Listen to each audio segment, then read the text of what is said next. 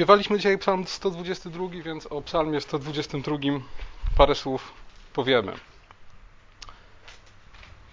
Wspominałem już o tym, że psalmy od 120 do 134 to psalmy pielgrzymstwa, psalmy wstępowań. To krótkie, proste, dydaktyczne pieśni śpiewane w trakcie pielgrzymek do Jerozolimy. To pieśni, które mówią o tym, które przypominają nam o tym, o czym powinniśmy pamiętać idąc do kościoła. O czym powinniśmy pamiętać jako członkowie chrześcijańskiego kościoła, chrześcijańskiej społeczności.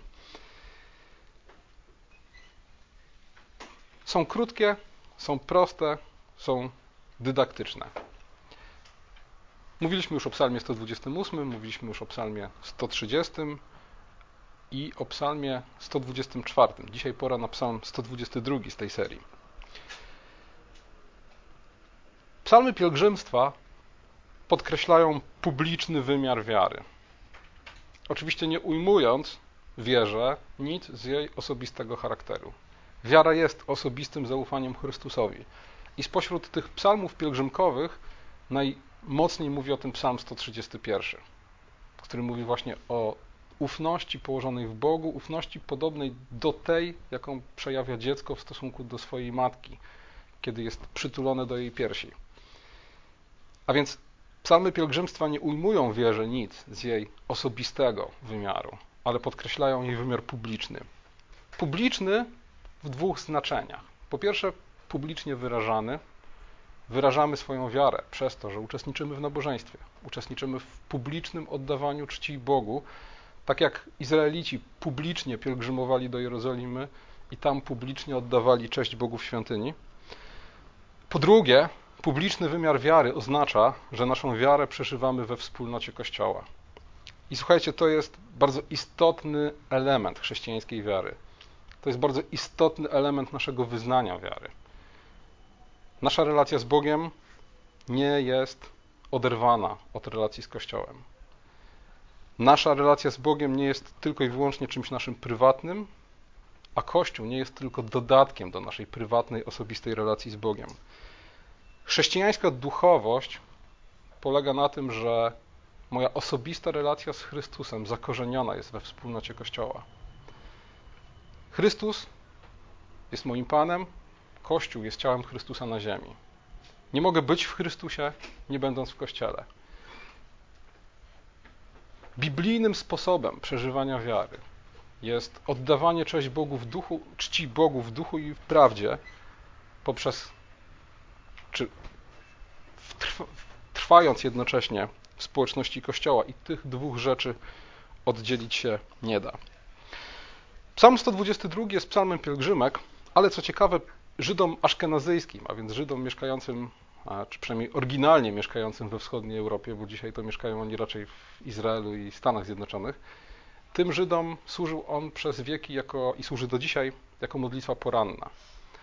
Co też jest symboliczne, dlatego że Psalm 122 mówi nam o tym, jaki jest sens i cel pielgrzymowania do Jerozolimy, jaki jest sens i cel publicznego oddawania Bogu czci w miejscu, które On wybrał. Powtarzanie tej modlitwy jako modlitwy porannej przypomina nam o tym, że cała nasze, całe nasze życie jest taką pielgrzymką na górę Pana. Całe nasze życie jest taką drogą, której celem jest oddawanie Bogu czci, której celem jest pełna, radosna społeczność świętych. O tym mówi Psalm 122. Mówi o sensie i celu pielgrzymowania. Czytaliśmy fragmenty dzisiaj, między innymi z piątej Księgi Mojżeszowej, z 12 rozdziału, od 11 wersetu, które przypominają nam o tym, jaki był sens i cel pielgrzymowania i przypominają nam o tym, że Jerozolima była miejscem szczególnym, że pielgrzymka do Jerozolimy była wydarzeniem w życiu Izraelity nieporównywalnym z niczym innym. Przede wszystkim to właśnie w tym miejscu Izraelici mieli składać swoje ofiary. Co więcej, to tam mieli też ucztować, to tam mieli, zużywając na ten cel część swoich dziesięcin, oddawać cześć Bogu poprzez radosną społeczność przy stołach. Kilka razy w Piątej Księdze Mojżeszowej Jerozolima, która której nie było jeszcze wtedy, kiedy Mojżesz o tym pisał. Jak wiemy, dopiero Dawid założył swoje miasto w tym miejscu, nazywana jest miejscem, które Bóg, które Pan Bóg wasz wybierze na mieszkanie dla imienia swego. Miejscem, które Pan Bóg wasz wybierze. Mojżesz jako prawodawca przygotowywał Izrael na to, że będzie takie miejsce, szczególne miejsce, które Bóg wybierze i do tego miejsca będziecie pielgrzymować. Tam będziecie oddawać Bogu cześć. Tam będziecie cieszyć się z owoców swojej pracy. Tam będziecie tworzyć wspólnotę, jeden naród przed Bogiem. W czasach, kiedy sytuacja polityczna w Izraelu była skomplikowana, w którym często lojalność wobec własnego plemienia, własnego pokolenia była silniejsza niż lojalność wobec domu Dawida, Jerozolima była takim przypomnieniem i wyrzutem sumienia zarazem. Nie? Znakiem utraconej jedności. Słuchajcie, jeśli chcemy być jednym narodem przed Bogiem, jeśli chcemy oddawać cześć jednemu Bogu, to, to, to jest to miejsce, w którym powinniśmy to razem robić. W piątej księdze Mojżeszowej czytamy, że na to miejsce, które Pan Bóg wybierze, Izraelita powinien stawić się trzy razy w roku. W święto prześników, w święto tygodni i święto szałasów. Piąta Mojżeszowa, 16 rozdział, 16 werset. I to jest jeden z tych, jedna z tych rzeczy, które rozstrzygają o wyjątkowości Jerozolimy. Nie? To jest to miejsce nakazane, miejsce, do którego Izraelici mieli pielgrzymować. W Psalmie 122 są też opisane powody, dla których Jerozolima jest szczególna. Werset czwarty na przykład. Tam, tam pielgrzymują plemiona Pana według prawa Izraela. Nie? A więc psalmista podkreśla, że rzeczywiście to jest to miejsce, gdzie według prawa, zgodnie z tym, co nakazał Mojżesz, Izraelici mają pielgrzymować. Tam mają być razem. Nie? Tam, w świątyni, tworzy się wspólnota, jakiej pragnie Bóg. Przy różnych okazjach mówiliśmy w ostatnim czasie, że wspólnota to nie wszystko. W sensie takim, że nie wystarczy być razem. Nie? W Biblii mamy bardzo wiele przykładów złych wspólnot. Ludzi, którzy gromadzą się wokół złego celu, wieża Babel. Nie? Wspólnota, której pragnie Bóg, to wspólnota, która gromadzi się w Jerozolimie, wokół świątyni pańskiej, wokół składania ofiar i wokół wspólnego świętowania, wspólnego radowania się owocami własnej pracy. To była wspólnota, która miała być wyrazem jedności Izraela pomimo plemiennych podziałów, która miała być wyrazem tego, że oddajemy cześć jednemu Bogu w nakazany przez Biblię sposób i tym, wokół czego się gromadzimy, jest Boże Słowo. A więc nie jesteśmy lożą szyderców, nie jesteśmy, jak mówi Księga Objawienia, synagogą szatana, gromadzimy się wokół Bożego Słowa. Dalej. Psalm 122 mówi o tym, że e, tam Izraelici sławią tam, czyli w Jerozolimie, imię Pana. A więc po pierwsze jest to miejsce nakazane przez Boga, a po drugie to jest miejsce żywej obecności Boga. Tam Bóg jest naprawdę obecny. I słuchajcie, e, w Psalmie 132, w 13 wersecie i w piątej księdze Mojżeszowej, we fragmencie, który czytaliśmy przed chwilą, jest mowa o tym, że to jest miejsce, które Bóg wybrał sobie na mieszkanie. A więc miejsce, w którym On naprawdę przebywa. Więc przychodzimy tam nie tylko dlatego, że tak nakazuje prawo, Przychodzimy tak nie tylko dlatego, że Bóg tak chce, ale przychodzimy tam po to, żeby spotkać Boga, bo wiemy, że tam ma, tam On przebywa w szczególny sposób. I wreszcie słuchajcie, e, werset piąty. Wszak tam postawione są trony sądu, trony domu Dawidowego. A więc jest to miejsce, gdzie Bóg nakazuje nam składać ofiary i oddawać Mu cześć. Jest to miejsce, gdzie naprawdę Go możemy spotkać. I jest to miejsce, z którego Bóg rządzi światem i odbywa swoje sądy nad światem i nad swoim domem, nad Izraelem. I słuchajcie, nowe przymierze nie pozostawia nam wątpliwości, że Jerozolimą nowego przymierza jest Kościół.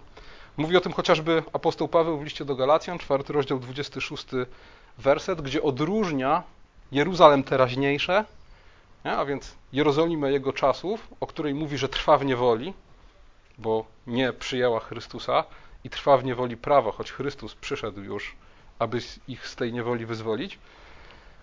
Ale naszą matką apostoł Paweł nazywa Jeruzalem, które jest w górze, Jeruzalem niebieskie, a więc Kościół. I słuchajcie, e, to jest biblijny, to jest jeden z pierwszych biblijnych powodów, dla których mamy prawo nazywać Kościół naszą matką. co później wielokrotnie czynili ojcowie Kościoła. Kolejny fragment to list do Hebrajczyków, 12 rozdział, 22 werset. Też czytaliśmy ten fragment. W kontekście oddawania czci na nowo Bogu, na no, w nowy sposób, a więc w sposób charakterystyczny dla nowego przymierza. Bo pamiętajcie, że o tym mówi list do Hebrajczyków. Nie? Przeciwstawia stary sposób oddawania czci nowemu. W tym kontekście autor listu do Hebrajczyków mówi tak. Podeszliście do góry Syjon i do miasta Boga żywego, do Jeruzalem niebieskiego i do niezliczonej rzeszy aniołów, do uroczystego zgromadzenia.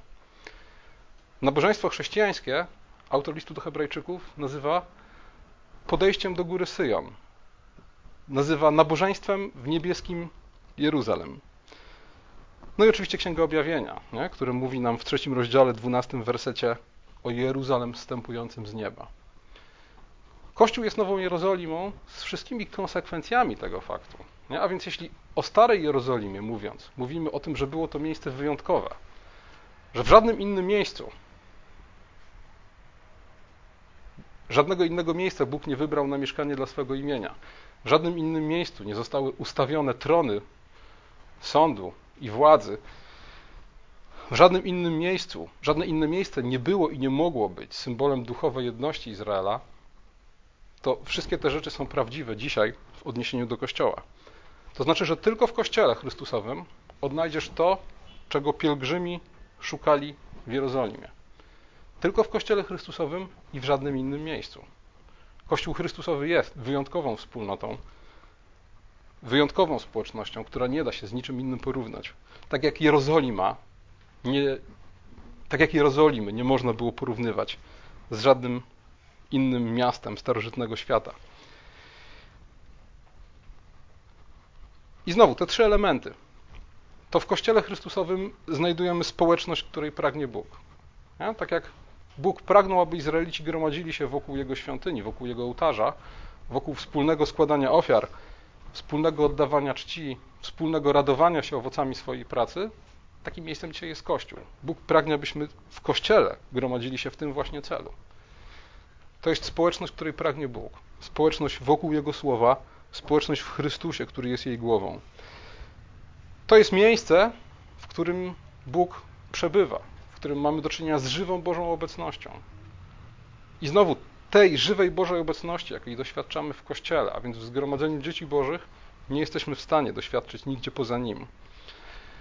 I słuchajcie, trzeci element trony sądu, trony władzy.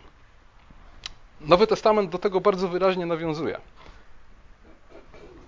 Jakie są znamiona Kościoła? Słowo i sakrament, prawda? Gdzie jest prawdziwy Kościół? Prawdziwy Kościół jest tam, gdzie zwiastowane jest Słowo Boże i sprawowane są sakramenty.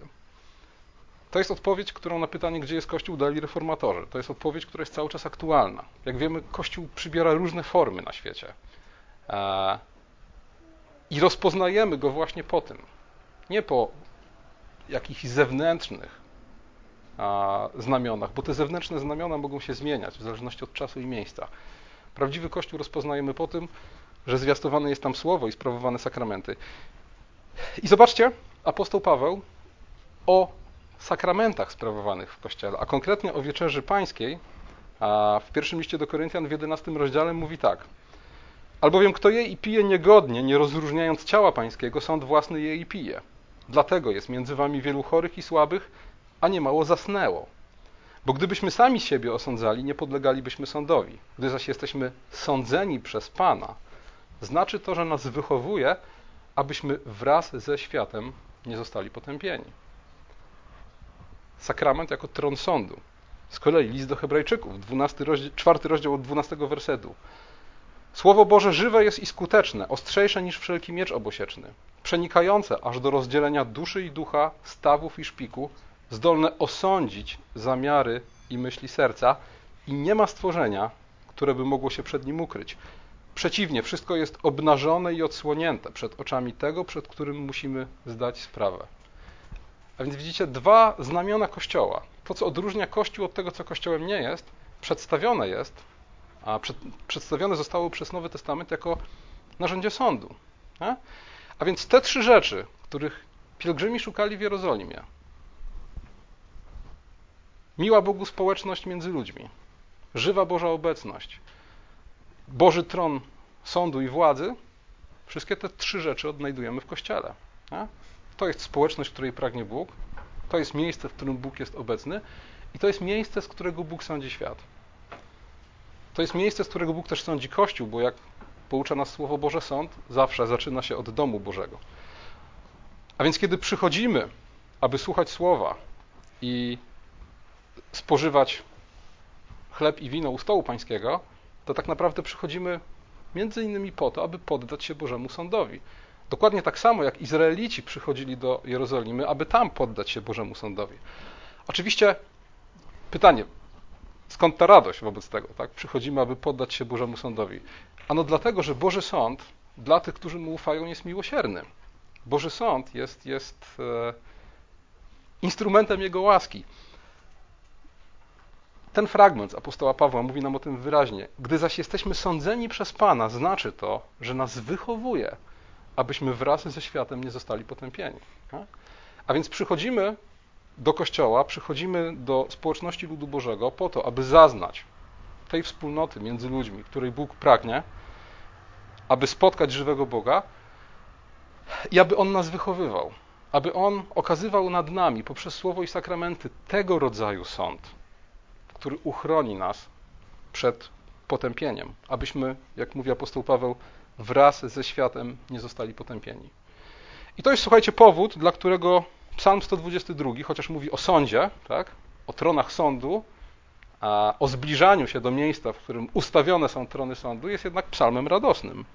Uradowałem się, gdy mi powiedziano, do domu Pana pójdziemy.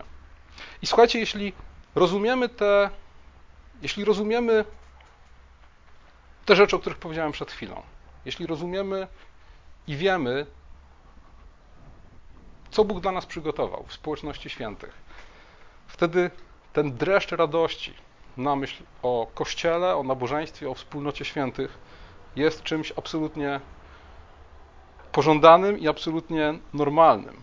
Ten dreszcz radości porównywalny do tego, co przeżywał Izraelita w drodze do Jerozolimy. Tutaj czekają na nas przywileje społeczności, tutaj czeka na nas żywy Bóg, tutaj czekają na nas słowo i sakramenty, a więc narzędzia łaski i sądu, stół pański i braterska wspólnota. I słuchajcie, a, jeśli tego uczucia radości w nas nie ma, oczywiście uczucie radości, tak, wiadomo, że nie chodzi o tylko i wyłącznie o jakieś emocjonalne poruszenie, tak, radość jest czymś głębszym, ale jeśli tej radości w nas nie ma, kiedy myślimy o Kościele, o naszym trwaniu w Kościele, o uczestnictwie w nabożeństwie, można to wyjaśnić jedynie duchową oziębłością i otępieniem, które jest jej rezultatem. Jeżeli lekceważymy Kościół, to może to być wynik jedynie duchowego otępienia i oziębłości.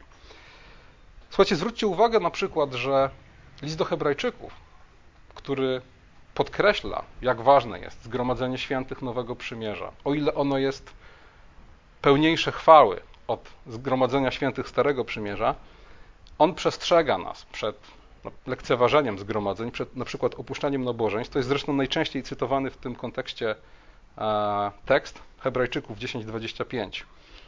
E, nie opuszczajcie wspólnych zebrań. Natomiast wielu komentatorów zwraca uwagę na to, że ten tekst pada w kontekście prześladowań, kontekście trudnych czasów. Nie? A więc w takim kontekście, w którym bardzo łatwo byłoby usprawiedliwić się, dlaczego nie organizujemy nabożeństw i dlaczego w nich nie uczestniczymy. No bo nie chcemy się narażać na prześladowania, prawda?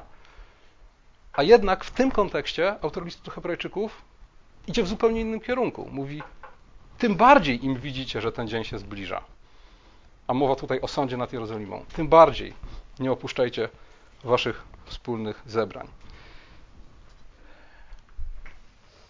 Często problemem chrześcijan, i to problemem, który wynika z tego, co możemy nazwać grzechem pierworodnym ewangelicznego chrześcijaństwa. A grzechem pierworodnym ewangelicznego chrześcijaństwa jest przekonanie, że moja osobista relacja z Bogiem jest czymś najważniejszym i oderwanym od czegokolwiek innego. Wszystko inne e, ma jedynie służyć mojej osobistej relacji z Bogiem.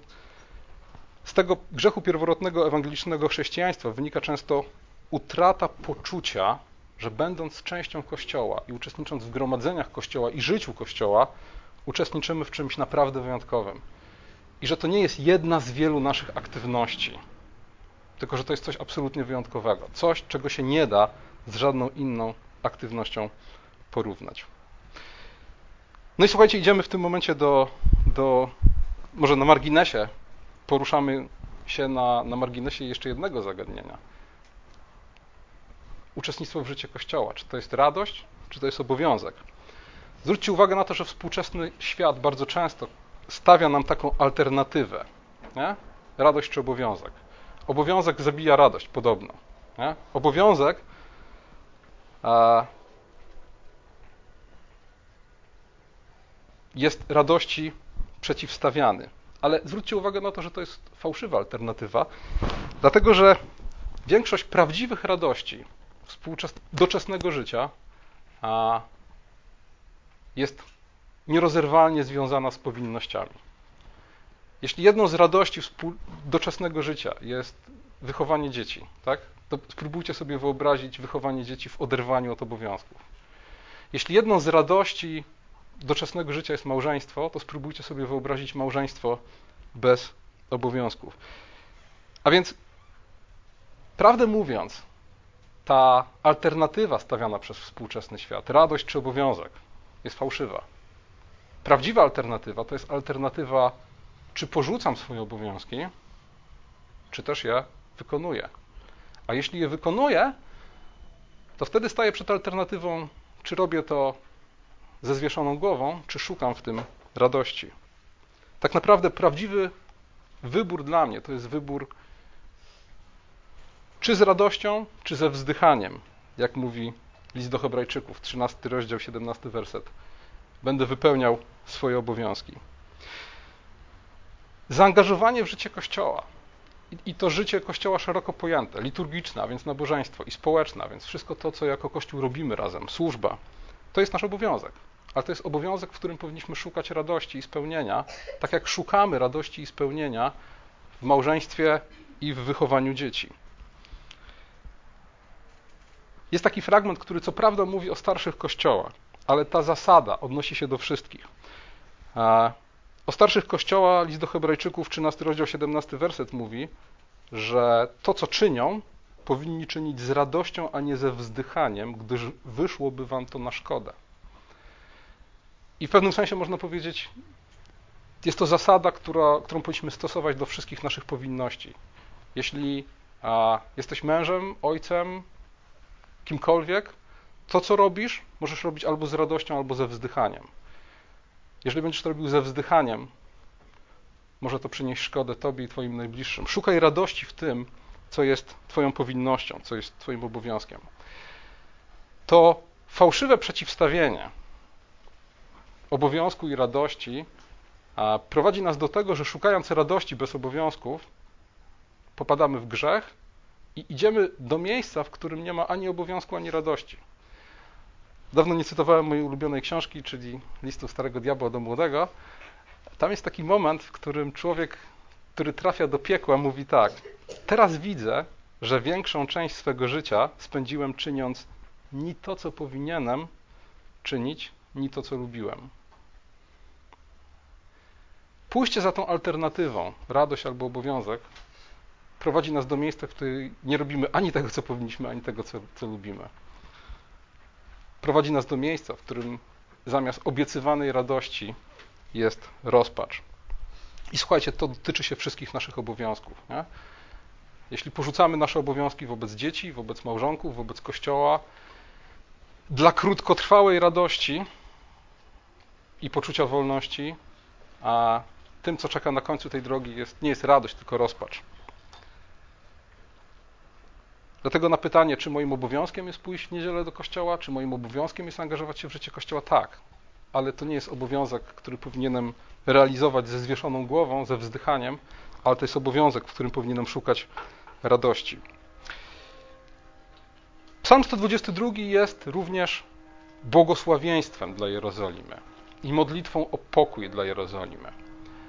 A duże znaczenie ma tutaj gra słów, dlatego że Jeruzalem to miasto pokoju. Nie? A więc Modlimy się o pokój dla miasta pokoju i błogosławimy, a więc życzymy pokoju, bo błogosławieństwo jest życzeniem pokoju, miastu pokoju. W ten sposób Bóg przypomina nam o tym, że modlitwa o Kościół i błogosławieństwo Kościołowi, a więc życzenie pokoju, życzenie powodzenia, życzenie dobrych rzeczy Kościołowi jest naszym obowiązkiem wobec Kościoła. To jest taki pakiet. Nie? Ojcowie Kościoła mówili, nie może mieć Boga za ojca, kto nie ma Kościoła za matkę. Ale tak jakby ciągnąc tą myśl dalej, nie może mieć Boga za ojca, kto nie ma Kościoła za matkę i innych chrześcijan za braci i siostry. Dlatego zarówno w wymiarze lokalnym, zgromadzonej tutaj społeczności, jak i w wymiarze powszechnym, całego Kościoła Chrystusowego, wszystkich naszych chrześcijańskich znajomych, musimy pamiętać o tym, że winni jesteśmy Kościołowi i wszystkim naszym braciom modlitwę i życzliwość.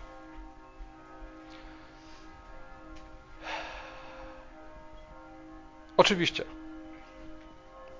zarówno w wymiarze lokalnym, jak i w wymiarze powszechnym, Kościół jest targany różnego rodzaju problemami, sporami, rozłamami, prawda? Są ludzie, z którymi mamy różnego rodzaju zatargi. Są środowiska, z którymi teologicznie się rozjeżdżamy kompletnie nie? i jesteśmy bardzo krytyczni wobec tego, co ci ludzie mówią e, i wobec wielu praktyk w tych kościołach. I oczywiście modlitwa i błogosławieństwo, a więc modlitwa i życzenie pokoju, nie oznacza, że nagle o wszystkim zapominamy. Rozłamy trzeba leczyć, konflikty rozwiązywać, złe praktyki i złe nauki krytykować. Tak? Ale w żadnej z tych, w żadnym z tych momentów nie wolno zapominać o tym, że modlitwa o każdego chrześcijanina, Kościół powszechny i naszą wspólnotę i życzenie pokoju, błogosławieństwo, a więc życzliwość, życzenie wszystkiego najlepszego jest naszym zobowiązaniem wobec Kościoła i każdego chrześcijanina. Bohofer pisze, że chrześcijańska wspólnota żyje ze wzajemnej modlitwy. Ze wzajemnej modlitwy wstawienniczej swoich członków. Żyje albo ginie. A? Jeśli nie ma wzajemnej modlitwy o siebie nawzajem, wspólnota ginie. Jeśli kościoły nie modlą się o siebie nawzajem, żaden z nich nie, nie może dobrze, prawidłowo funkcjonować przed Bogiem. Brata, za którego się modlę, nie mogę przecież przy całej krzywdzie, jaką mi wyrządza, ani osądzać, ani nienawidzić. Ja więc Bohofer mówi, dlaczego wzajemna modlitwa jest takim lekarstwem? Dlatego, że jeśli staję przed Bogiem i modlę się o kogoś, no to przy całej krzywdzie, przy wszystkich problemach, nie mogę szczerze się o niego modląc, nienawidzić go. Jego twarz, będąca dotąd być może obca lub nie do zniesienia, w modlitwie wstawienniczej przemienia się w twarz brata, za którego umarł Chrystus. Przemienia się w twarz ułaskawionego grzesznika. To jest jedno uszczęśliwiające odkrycie dla chrześcijanina, który rozpoczyna drogę modlitwy wstawienniczej. Nie ma żadnej odrazy, żadnych osobistych napięć czy skłóceń, których by w modlitwie wstawienniczej nie dało się przezwyciężyć. Modlitwa wstawiennicza to kąpiel oczyszczająca, w której codziennie muszą się zanurzać i wspólnota, i każdy osobiście. W modlitwie wstawienniczej może mieć miejsce twarde zmaganie się z bratem. A? Słuchajcie, ja mogę przyjść przed Bogiem, modląc się o kogoś, kto mnie skrzywdził, czując żal. Ja mogę przyjść do Boga, modląc się o człowieka, który jest dla mnie zgorszeniem swoim postępowaniem, swoim nauczaniem. Mogę się modlić z bólem o Kościół, który moim zdaniem przynosi wielką szkodę sprawie Ewangelii. Nie? A więc może mieć miejsce twarde zmaganie, ale związana jest z tym obietnica, że to prowadzi do celu. A więc słuchajcie, tak jak czytamy w Psalmie 122. Ze względu na braci moich i przyjaciół będę Ci życzył pokoju. Ze względu na Pana Boga naszego będę szukał Twojego dobra. Będę się o Ciebie modlił, życzył Ci pokoju i szukał Twojego dobra. I słuchajcie, to jest postawa, o którą wszyscy powinniśmy zabiegać. Nie? Wzajemna modlitwa i życzliwość dla braci z tej wspólnoty i wszystkich, którzy są chrześcijanami. Musimy pamiętać o tym, że Jak mówi apostoł Jakub, z tych samych ust wychodzi błogosławieństwo i przekleństwo, a tak być nie powinno. Bo czy źródło wydaje z tego samego otworu wodę słodką i gorzką? Dlatego powinniśmy dbać o to, by to w jaki sposób krytykujemy innych, mówimy o innych, było też pełne błogosławieństwa. Modlitwa, życzenie pokoju, życzenie błogosławieństwa to są nasze zobowiązania wobec każdego chrześcijanina. I słuchajcie, na koniec. Psalm 122 i Chrystus. Jak wiemy, każdy psalm jest modlitwą Chrystusa.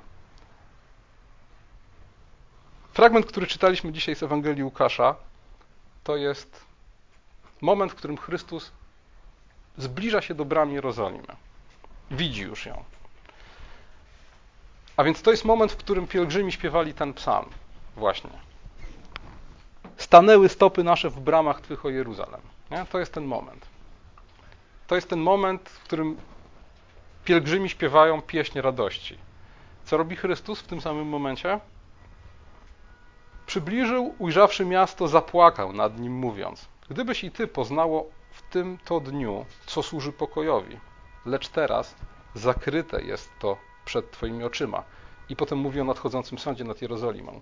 I słuchajcie, znowu jest gra słów, nie? Jeruzalem, miasto pokoju. Życzymy pokoju, modlimy się o pokój. Przychodzi Chrystus i do Jerozolimy, która jest miastem pokoju, mówi: Gdybyś poznało to, co służy pokojowi, nie poznałaś tego. Nie? Jesteś daleko od tego, co służy pokojowi. Nie rozpoznałaś czasu swego nawiedzenia.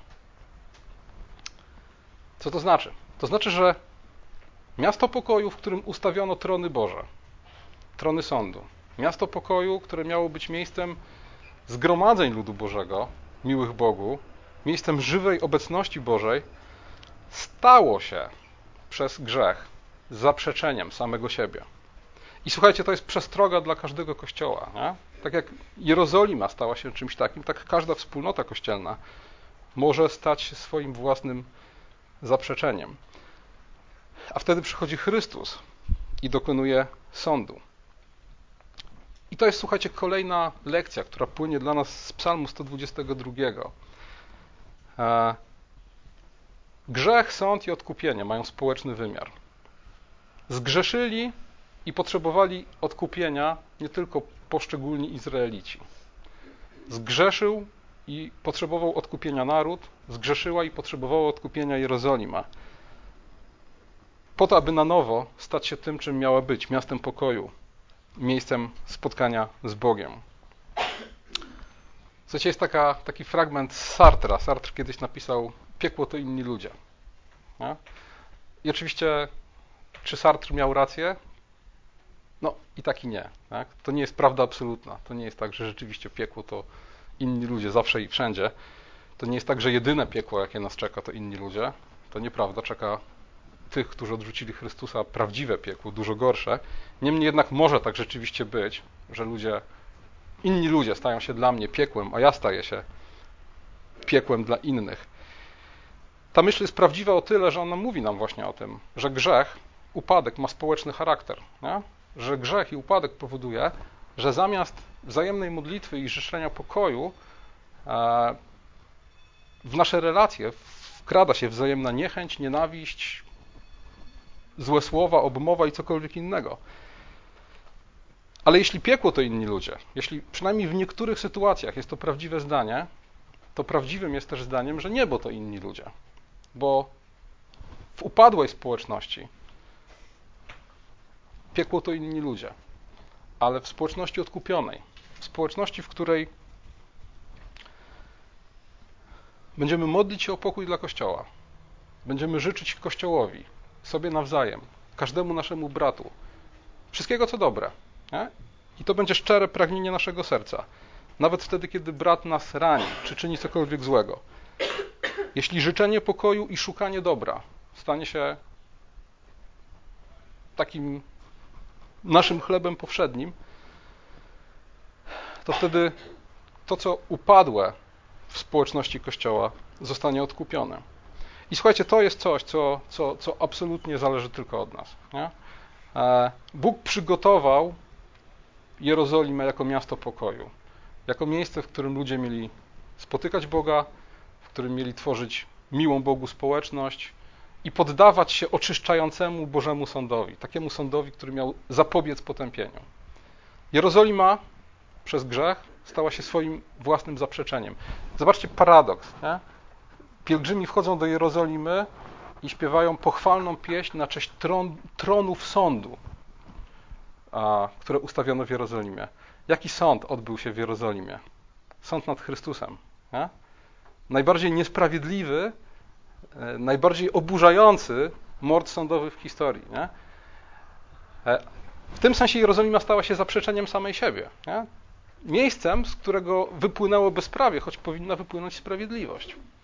I słuchajcie, dokładnie tak samo jest z Kościołem. Nie?